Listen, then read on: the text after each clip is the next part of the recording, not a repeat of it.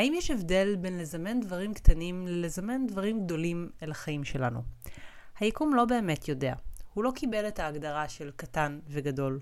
הוא לא יודע שהשורה בחשבון הבנק של אחד עם שישה אפסים אחריו זה משהו הרבה יותר גדול מאחד ושני אפסים אחריו. אבל אנחנו בתור בני אדם מאוד טובים בלהגדיר את עצמנו עם השוואות. זה ממש צורך פסיכולוגי שלנו להשוות. לעשות השוואה בין טוב ורע, בין גדול וקטן, בין איפה שהייתי אתמול לאיפה שאני נמצאת היום.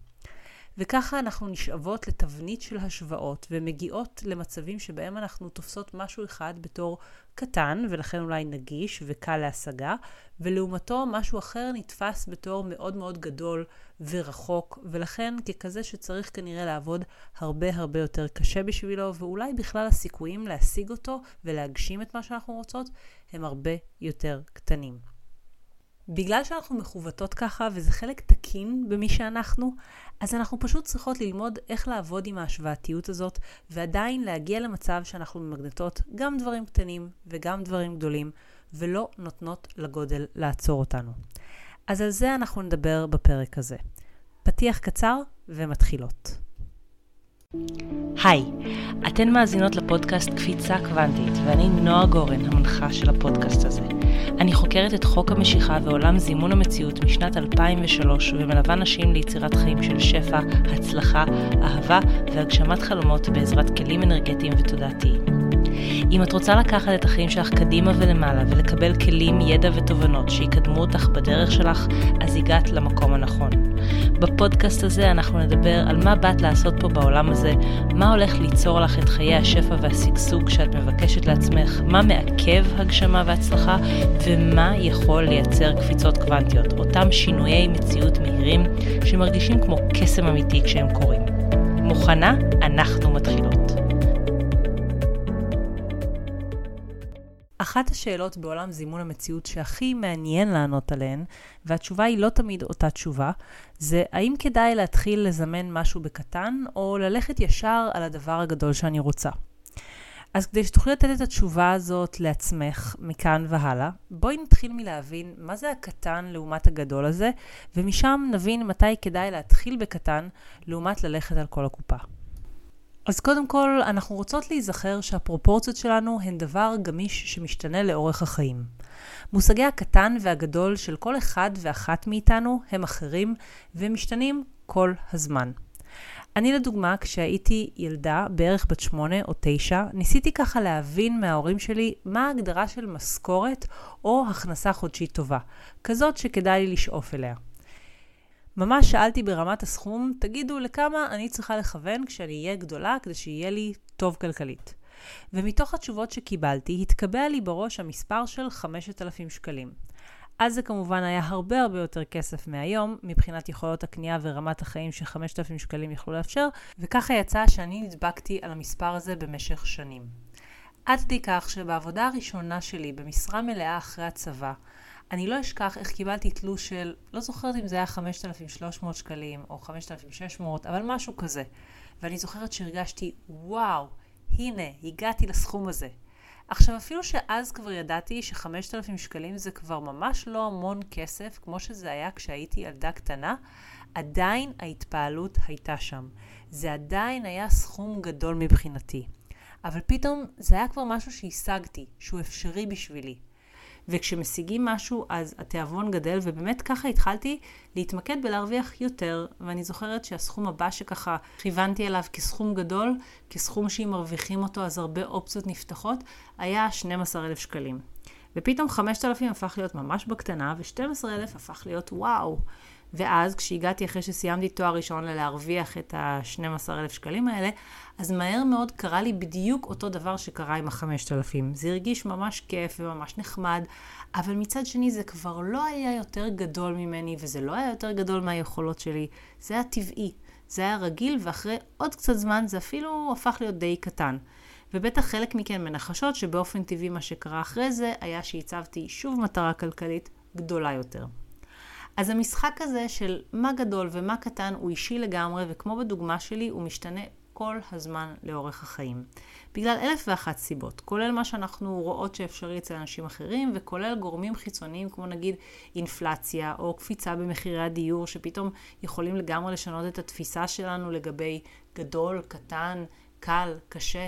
עכשיו, ההבנה הזאת שגדול וקטן זה מושגים פלואידיים, נזילים, כאלה שאפשר לשחק איתם, יש בה כוח.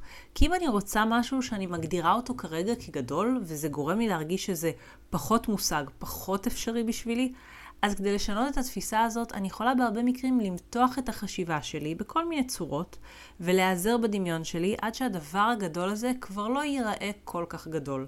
כבר לא ייתפס בעיניי ככל כך לא מושג ולא אפשרי. וכמו שאמרנו, היקום בכלל לא מכיר את ההגדרות האלה של קטן וגדול. הוא רק יודע מה אנחנו משדרים, מה אנחנו מבברטים אנרגטית לגבי משכורת של 100 אלף שקלים לעומת משכורת של 10,000 שקלים. אז עכשיו בואו נדבר על המושג למתוח. מה זה בעצם למתוח את החשיבה? אז בואו ניקח דוגמה, לא שלי, אלא של בוב פרוקטור המרצה והמחבר. מה שהוא הציע בנושא הזה של להרוויח יותר כסף, זו דרך מעניינת למתיחת החשיבה. דרך שבה אנחנו מחלקות את מה שאנחנו רוצות לחלקים קטנים יותר. לדוגמה, אם אני רוצה להרוויח 100 אלף שקלים בחודש, אני יכולה לחלק את זה קודם כל לשבועות. נגיד, זה אומר להרוויח 24 אלף שקלים בשבוע, פלוס מינוס, כי חודש זה קצת יותר מארבעה שבועות. או שזה אומר להרוויח בערך 3,500 שקלים ביום. ברוב המקרים, התגובה הרגשית שלנו משתנה אם אנחנו חושבות על האופציה של להרוויח 3,500 שקל ביום, או על להרוויח 100 אלף שקלים בחודש, למרות שזה מאוד מאוד מאוד דומה. בהרבה עסקים 3,500 שקל זו מכירה אחת ואפילו לא בהכרח גדולה במיוחד. כך שלהרבה אנשים החוויה של להרוויח 3,500 שקלים ביום היא הרבה יותר מוכרת מלהרוויח 100,000 בחודש. אבל אם אנחנו נחשוב על זה שזה אפשרי להרוויח 3,500 שקלים, כל מה שאני צריכה לעשות זה להרוויח יותר ימים את ה-3,500 שקלים האלה, אז הרבה יותר קל יהיה לי להתחבר למקום הזה שזה אפשרי, לעומת ה-100,000 בחודש שלפעמים נתפסים בתור איפה אני ואיפה זה. אז הנה דוגמה אחת לאיך אפשר לשחק עם החשיבה שלנו בצורה שתגרום לדברים שאנחנו רוצות להיראות יותר אפשריים ויותר מושגים. עכשיו, יכול להיות שלחלק מכן שמאזינות עכשיו קפץ איזה קול קטן והתחיל להרים התנגדויות תוך כדי שדיברתי. קול שמסביר איך הדבר שאת רוצה הוא גדול, ושום דבר ושום תרגיל לא ישכנע אותו אחרת. אז אם זה קרה, זה לגמרי בסדר. יש דברים שהמוח שלנו יתקשה מאוד לתייג אחרת מהאוטומט שלו.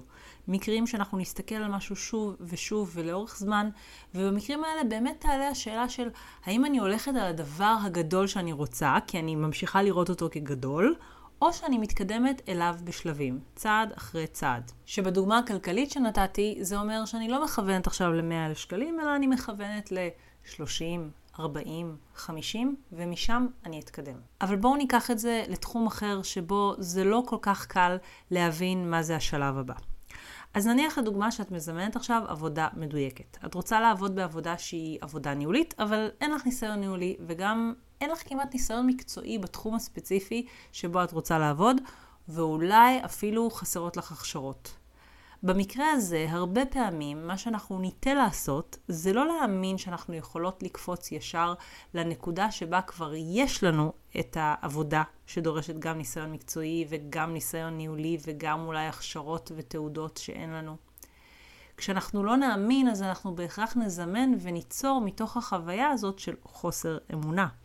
לעומת זאת, אם אנחנו מגיעות למצב שאנחנו הולכות יותר בקטן, ומותחות את שריר האמונה במקום אחד בלבד, לא בשלושה.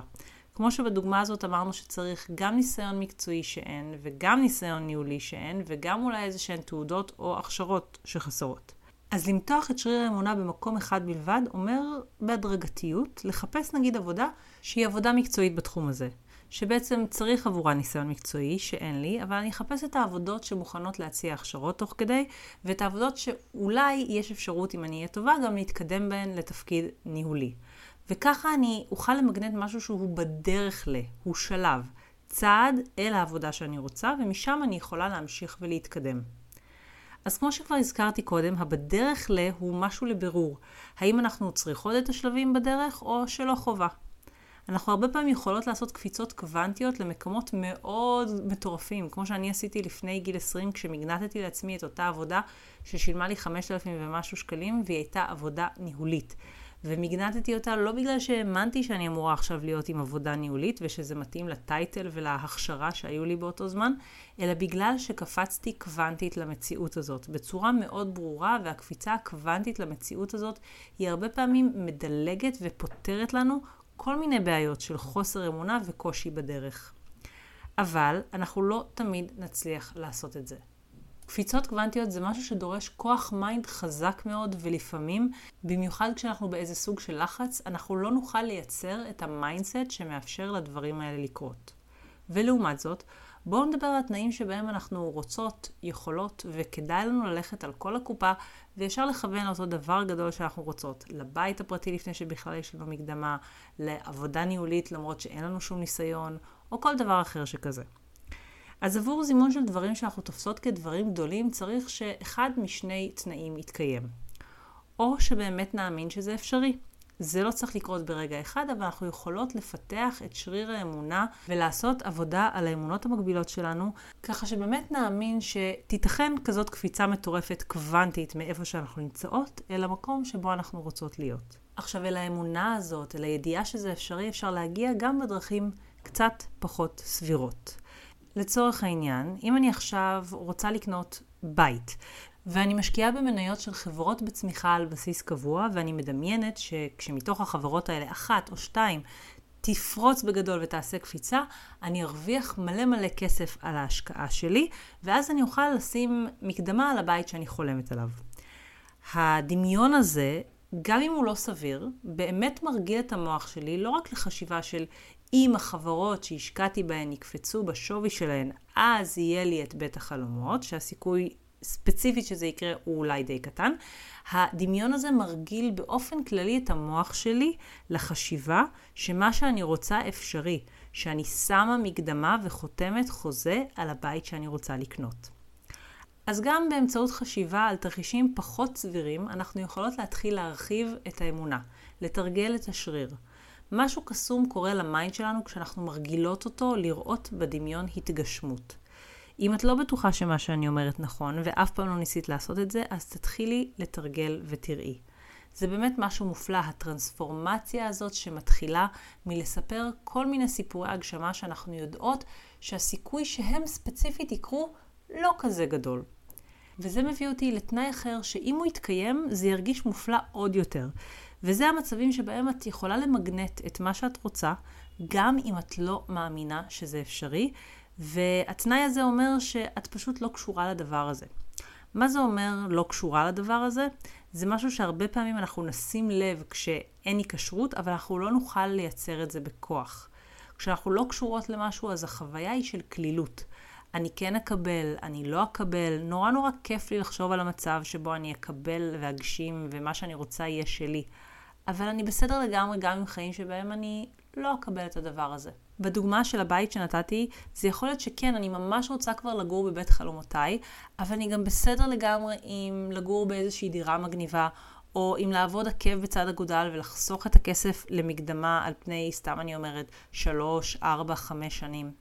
עכשיו, כשנגיע למצב שבו אנחנו ממש בסדר, גם עם תרחיש איטי יותר להגשמה, או עם איזושהי אלטרנטיבה שהיא פחות זוהרת למציאות שאנחנו מזמנות, אנחנו ניטה לעבוד בצורה שהרבה פחות חוסמת את הכוח היצירתי של היקום, וצורה שבעצם מאפשרת לנו הרבה פעמים לקפוץ ישר לנקודה הסופית.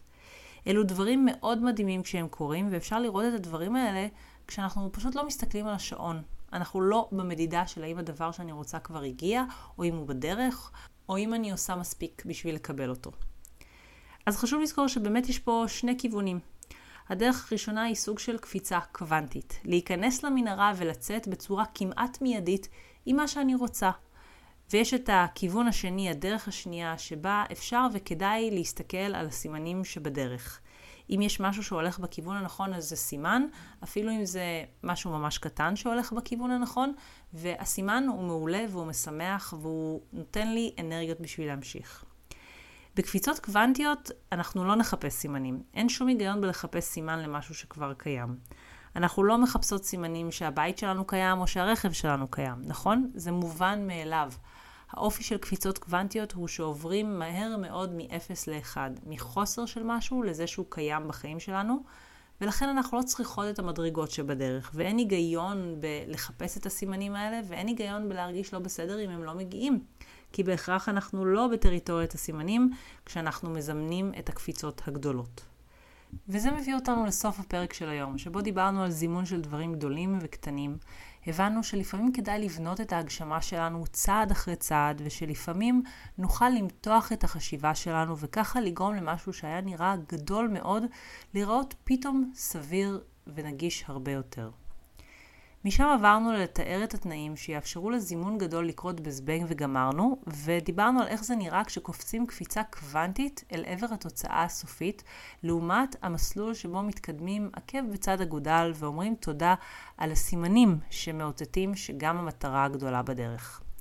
אם תרצי, את יותר ממוזמנת לשתף אותי מה לקחת מהפרק הזה. תודה רבה שהאזנת לפרק הזה. אם אהבת את מה ששמעת, אני הכי אשמח אם תשתפי ותעבירי הלאה למי שהתוכן הזה יכול לעזור לה. ואם את עדיין לא עוקבת אחריי באינסטגרם, אני מחכה לך שם. חפשי אימון בזימון כדי לקבל ממני ים של תוכן, הדרכות וטיפים על איך לעשות קפיצות קוונטיות וליצור את החיים שאת רוצה בקלילות ובהנאה. זה הכל לבינתיים, ואנחנו נשתמע בפרק הבא.